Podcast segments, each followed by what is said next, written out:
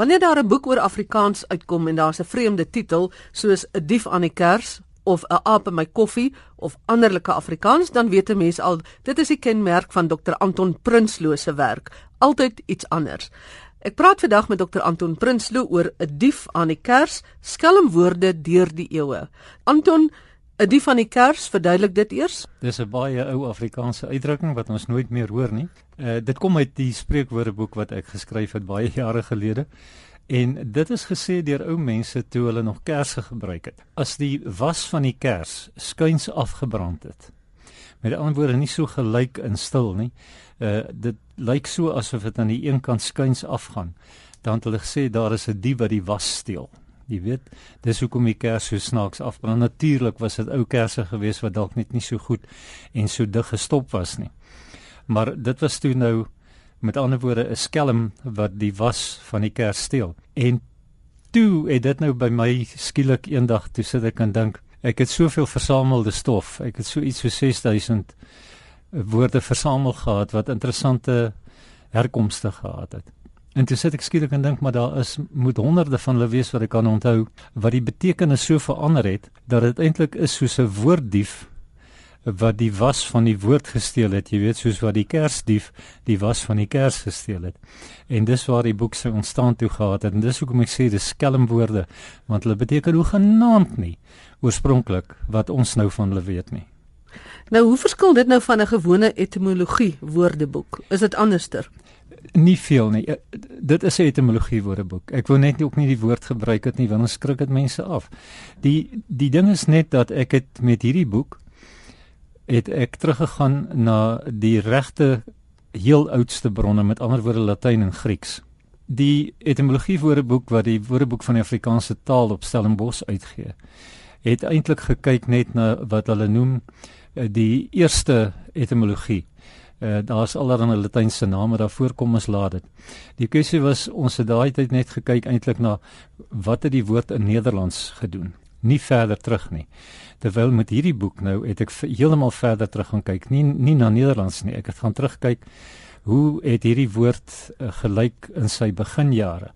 Dit wil sê toe die Grieke of die Romeine dit gebruik het of die ouens wat Sanskrit gepraat het of die Perse of die Indo-Germane of die Gote, noem dit net soos jy wil, maar dis woorde wat eeue der eeue gelede al ander betekenisse gehad het. En toe dit my begin nie net interesseer nie, maar amuseer. Jy weet, jy weet want daar is so 'n klomp woorde wat 'n mens ongelooflik vind net omdat dit heeltemal die teenoorgestelde is en as jy nog dink die ding het 'n goeie betekenis dan vind jy uit dit het 'n verskriklike betekenis gehad jy weet 'n paar eeue gelede uh, ons kan miskien net vinnig kan ek vir jou noem iets soos byvoorbeeld uh, die orgidee en ook die avokaat of avokado peer wat kom uit 'n taal uit Sentraal-Amerika die Nahuatl die taal van die Azteke.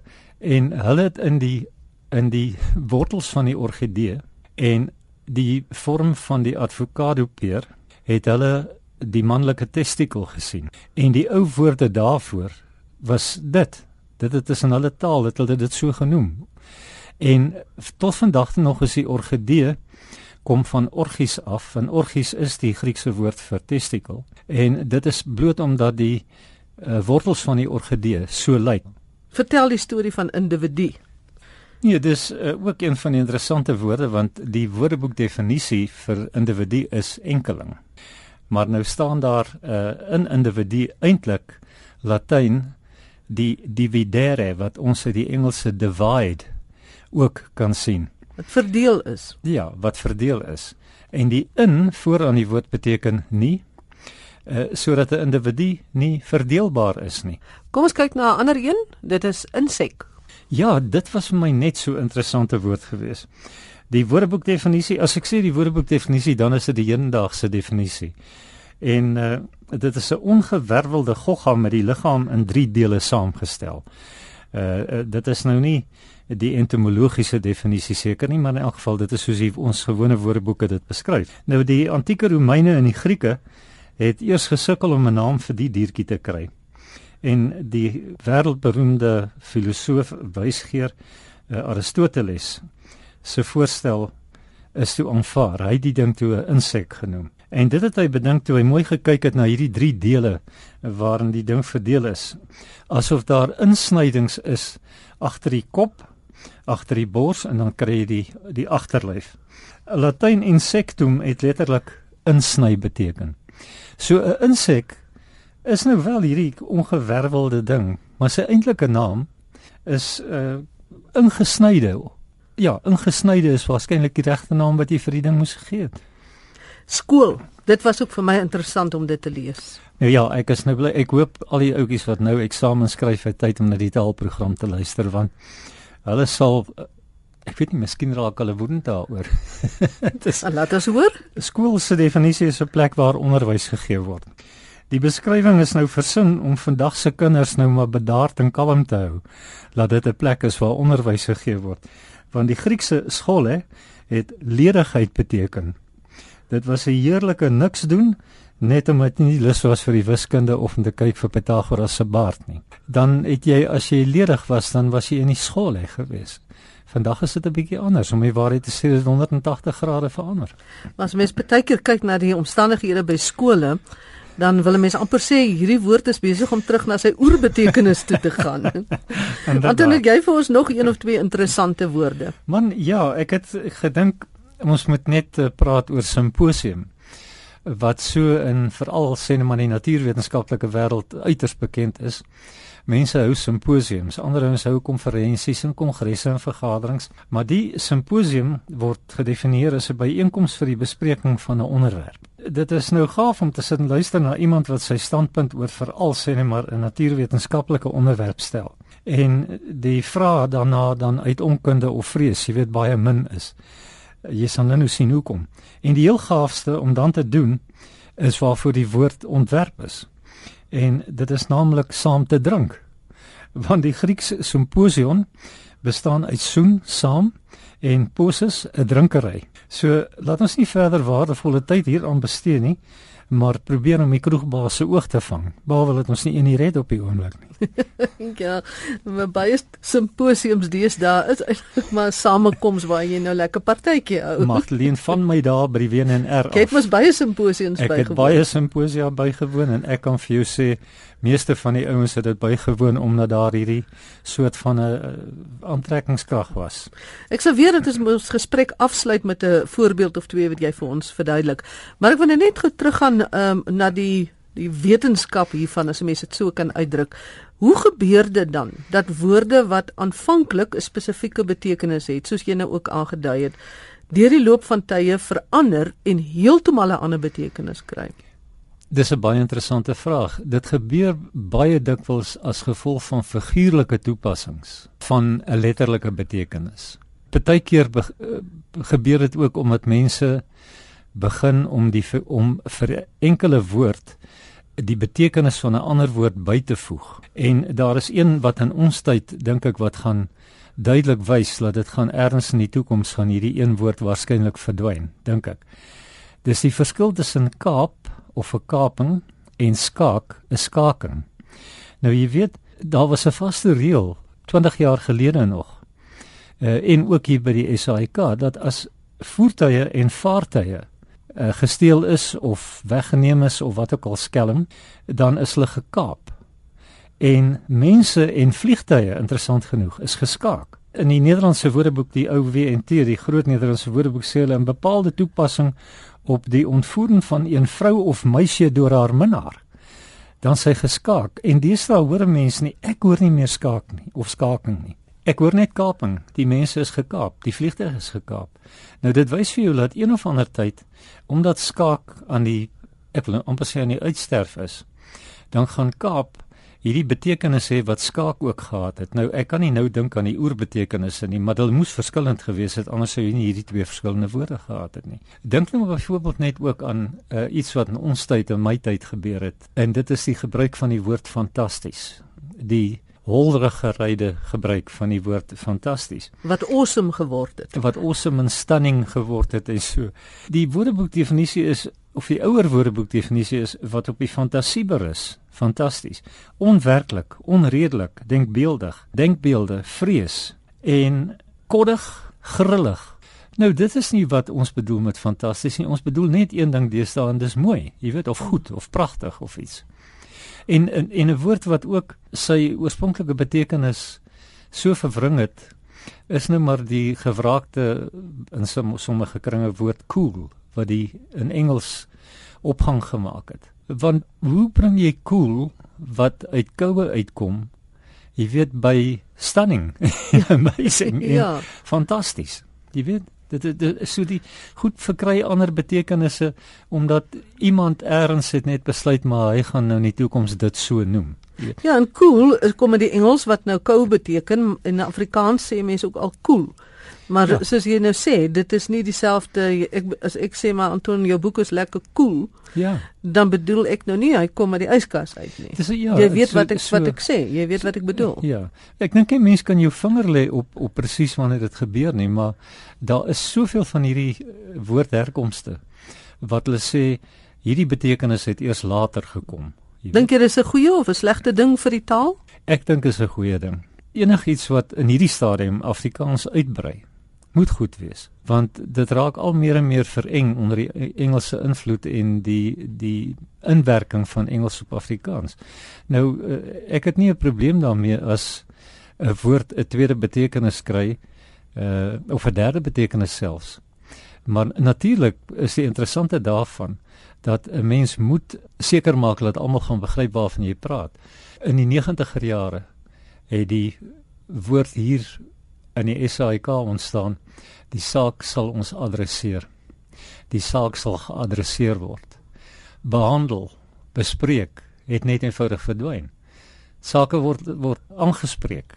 Dit is nie meer jy behandel dit nie meer nie of jy adresseer selfs die saak. Jy spreek ook 'n saak aan. Voorheen kon jy net 'n ander lewende wese aanspreek of miskien jou hond ook en kyk maar. Uh dit is tog interessant dat die die aanspreek het het toe net eenvoudig mode geword.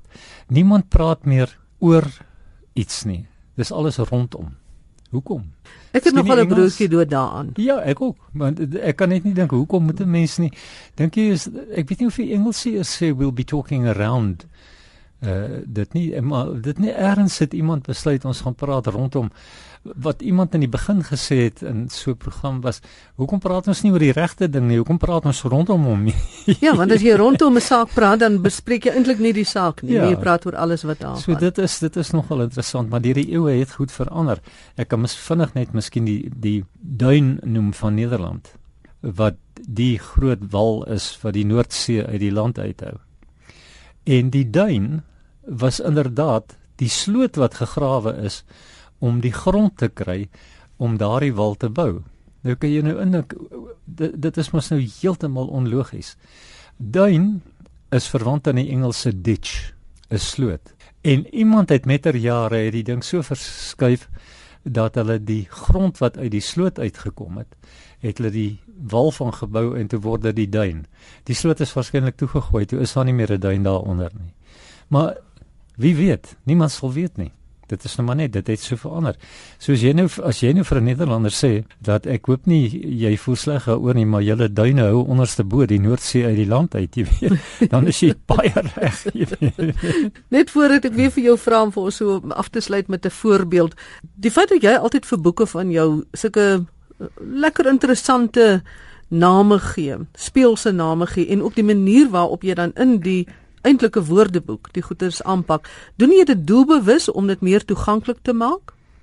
Wat die inhoud betref binne-in ja, want dit is maar sodat uh, ek ek kan nie vir jou sê hoekom nie, maar maar as ek na die herkoms van 'n woord kyk dan is dit vir my maar net of iets in my kop vir my sê maar weet jy mense kan eintlik daarom 'n bietjie van 'n grappie hieroor maak. Wat die titels betref is dit baie keer moeilik want verskillende uitgewers het verskillende idees oor hoe 'n titel moet lyk. Uh maar ek moet daarom sê in die meeste gevalle was ek op die ou einde gelukkig geweest. Die aap in jou koffie was 'n titel wat ek voorgestel het vir Daniel Hugo. Dis nou die boek oor die eponieme. Dis die boek oor die eponieme. Ja. Woorde wat dan verband hou wat gevorm is uit die name van mense of plekke en so. En dit was toe vir my interessant dat uh, ek het toe gedink het as ons nou sê die eponiem woordeboek van Afrikaans. Dis die eerste een van sy soort en ek dink op die oomblik nog die enigste een van sy soort in Afrikaans. Jy weet die oomblik wat ouens net sien woordeboek dan uh, uit presies wat jy nou gesê het, jy weet dan sal hulle dalk nie die ding eers wil kyk nie maar iemand het ergens 'n resensie geskryf dat die die aap in jou koffie het daar gelê op sy lesenaar by een van die universiteite en nie 'n persoon het verbygestap en nie teruggekom en gesê maar wat se boek het jy hier nie? Hy seker gedink hy lees storieboeke op kantoor of wat ook al. Jy weet en dit is hoekom ek dink dit is uiters belangrik om sommer net 'n gewone titel te kies, jy weet, maar wat daarom hopelik toepaslik is op die inhoud. Nou ja, soos jy op sit 'n koffie drink op die vorige boek, klim die dief hier op hierdie boek teen 'n kers uit en die kers is nog 'n tipiese oudheidse blaker. 'n Dief aan die kers, skelmwoorde deur die eeue van Dr Anton Prinsloo en uh, Anton, dis regtig 'n boek wat 'n mens as 'n storieboek kan lees wanneer jy in die aand gaan slaap of enige tyd. Ek het die boek op my lesenaar en dis amper soos asof jy huisgenootjies lees, maar net op 'n ander vlak. Nou sluit jy vir ons af met jou gunsteling voorbeeld. Wel, miskien moet ons kyk na uh, iets soos 'n maarskalk, jy weet, want dit is nou soos ons weet die die hoogste rang veldmaarskalk, sover ek weet nog in in die weermag. En eh, die woordboekdefinisie is 'n militêre opperveldheer. Nou hulle sê die ons sag wat 'n gewone soldaat vandag vir 'n veldmaarskalk het is eintlik 'n bietjie misplaas as 'n mens gaan kyk na die geskiedenis. Die ou Nederlandse maarschalk was die stalkneg of die hoefsmid en hy moes toesig hou oor die leer se rytuie en trekdiere. Die maar is 'n ou woord wat perd beteken het en dit steek ook nog op 'n manier in ons woord merry. Maar nie die nagmerrie nie, dis 'n ander, dis 'n mare daai, dis 'n slegte droom wat jy het. Die skalk was gewoon en selfs die die eie naam wat ons het skalk het gewoon beteken 'n uh, knegg of 'n dienaar. En die betrekking het nou duidelik deur die eeue baie belangriker geword. Hier is ons weer by waaroor ons gesels het net nou. Een of ander rede het die maaskalk al hoër en hoër rang gekry. Dit was eintlik glad nie so 'n gerekende mens nie. Nee, hy was absoluut 'n stalkneg. En dan kan ons miskien net as 'n nagereggie daarby aansluit dat die Stalkneg se laat Latynse weergawe was come stabuli en dit is die dienskneg van die stal. Maar as jy mens mooi luister na come dan word die woord konstabel. So die konstabel was ook maar niks anders gewees eintlik net as 'n dienskneg nie en net met die perde gewerk nie. Baie dankie Dr Anton Prinsloo, skrywer van 'n Dief van die Kers, skelmwoorde deur die eeue wat eintlik maar 'n lekker moderne etimologie woordeboek is. En nou is dit tyd vir ons taalspeletjie. Wat noem ons iemand wat van Australië kom? 'n Australier of dalk 'n Australianer? Of is dit 'n Australiaan? In vandag se speletjie sê ek 'n pleknaam en jy moet sê hoe noem ons die inwoner van daardie plek of iemand wat van daar af kom. Ek sê dus Australië en jy moet sê Australier, Australianer of Australiaan. Argentinië. Groot-Brittanje. Twee provinsies in Nederland, Gelderland en Seeland. Georgetown en dan drie so daar in die Middellandse Seegebied Parma Rome en Malta. Ek het vir Solien Pilon gebel om ons te help met hierdie inwoners van lande. Nou Solien is 'n dosent in Afrikaanse taalkunde aan die Universiteit van Pretoria en ook sekretaris van die Taalkommissie. Solien, los vir ons die probleem op met betrekking tot Australië. Hierdie is 'n fout wat ek ontsettend baie teekom ons noem iemand wat in Australië bly 'n Australier en nie 'n Australianer nie. En mense is baie geneig om te praat van die Australianers. En ek vermoed dit is op grond van ander voorbeelde soos Italië wat 'n Italianer word en uh, dan op grond daarvan gaan maak mense die fout om 'n uh, iemand van Australië 'n Australianer te noem. Dit is inderdaad eintlik 'n Australier. En ons sit net gewone R agteraan Australië net gewone R agter aan Australië. En dan 'n uh, iemand van Argentinië is dan 'n Argentinier? Mens sou dit verwag het, net soos wat iemand wat van Bourgondië is, 'n Bourgondier is, maar nee, Argentinië is nou 'n uitsondering en uh ons noem iemand wat in Argentinië bly, 'n Argentyn. En dit is eintlik 'n mooi illustrasie van die problematiek wat ons het met betrekking tot inwoners van plekke, want daar is sistematiek Maar daar is so baie uitsonderings. Uh, ons het gewoon iewers begin om mense van Argentinië af Argentyne te noem en dit sou nou lekker wees as ons van nou af kon sê dis Argentiniërs sodat dit ook werk soos Australië en Indië en Bourgondië. Uh maar dit is helaas nou sodat iemand wat van Argentinië afkom, maar Argentyn is. En dis Argentyn met 'n lang y en nie 'n Argentuin of so iets nie. nee, Argentyn nie. Groentetuin, maar nie 'n Argentyn nie. Ehm um, so ons spel dit hoofletter A R G E N T Y N. Dan Groot-Brittanje. En hier is dit ook nou weer heeltemal vreemd want ons noem iemand wat van Groot-Brittanje kom 'n Brit en nie 'n Groot-Britanjeer of 'n Groot-Britanjaan nie, net 'n Brit. Of 'n Groot Brit. of glad nie so nie, dis 'n gewone groot Brit.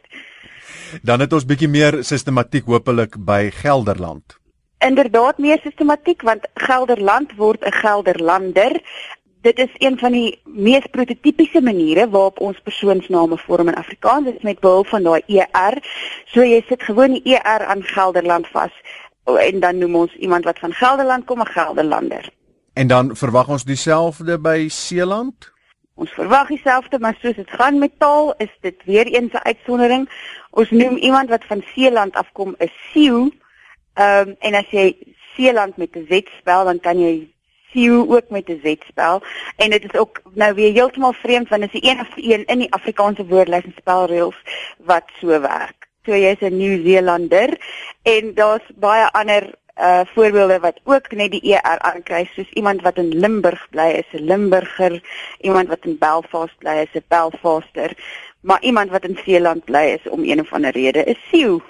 En dan Georgetown?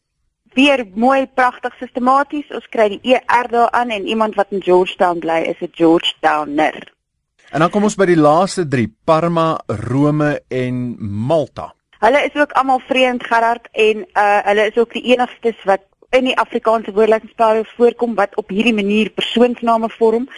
So iemand wat van Parma afkom, noem ons 'n Parmasaan. Iemand wat van Rome kom, noem ons 'n Romein en dan iemand wat van Malta kom, is 'n Maltees of 'n Maltesier. So hulle is almal baie vreemd daai laaste 3 van jou.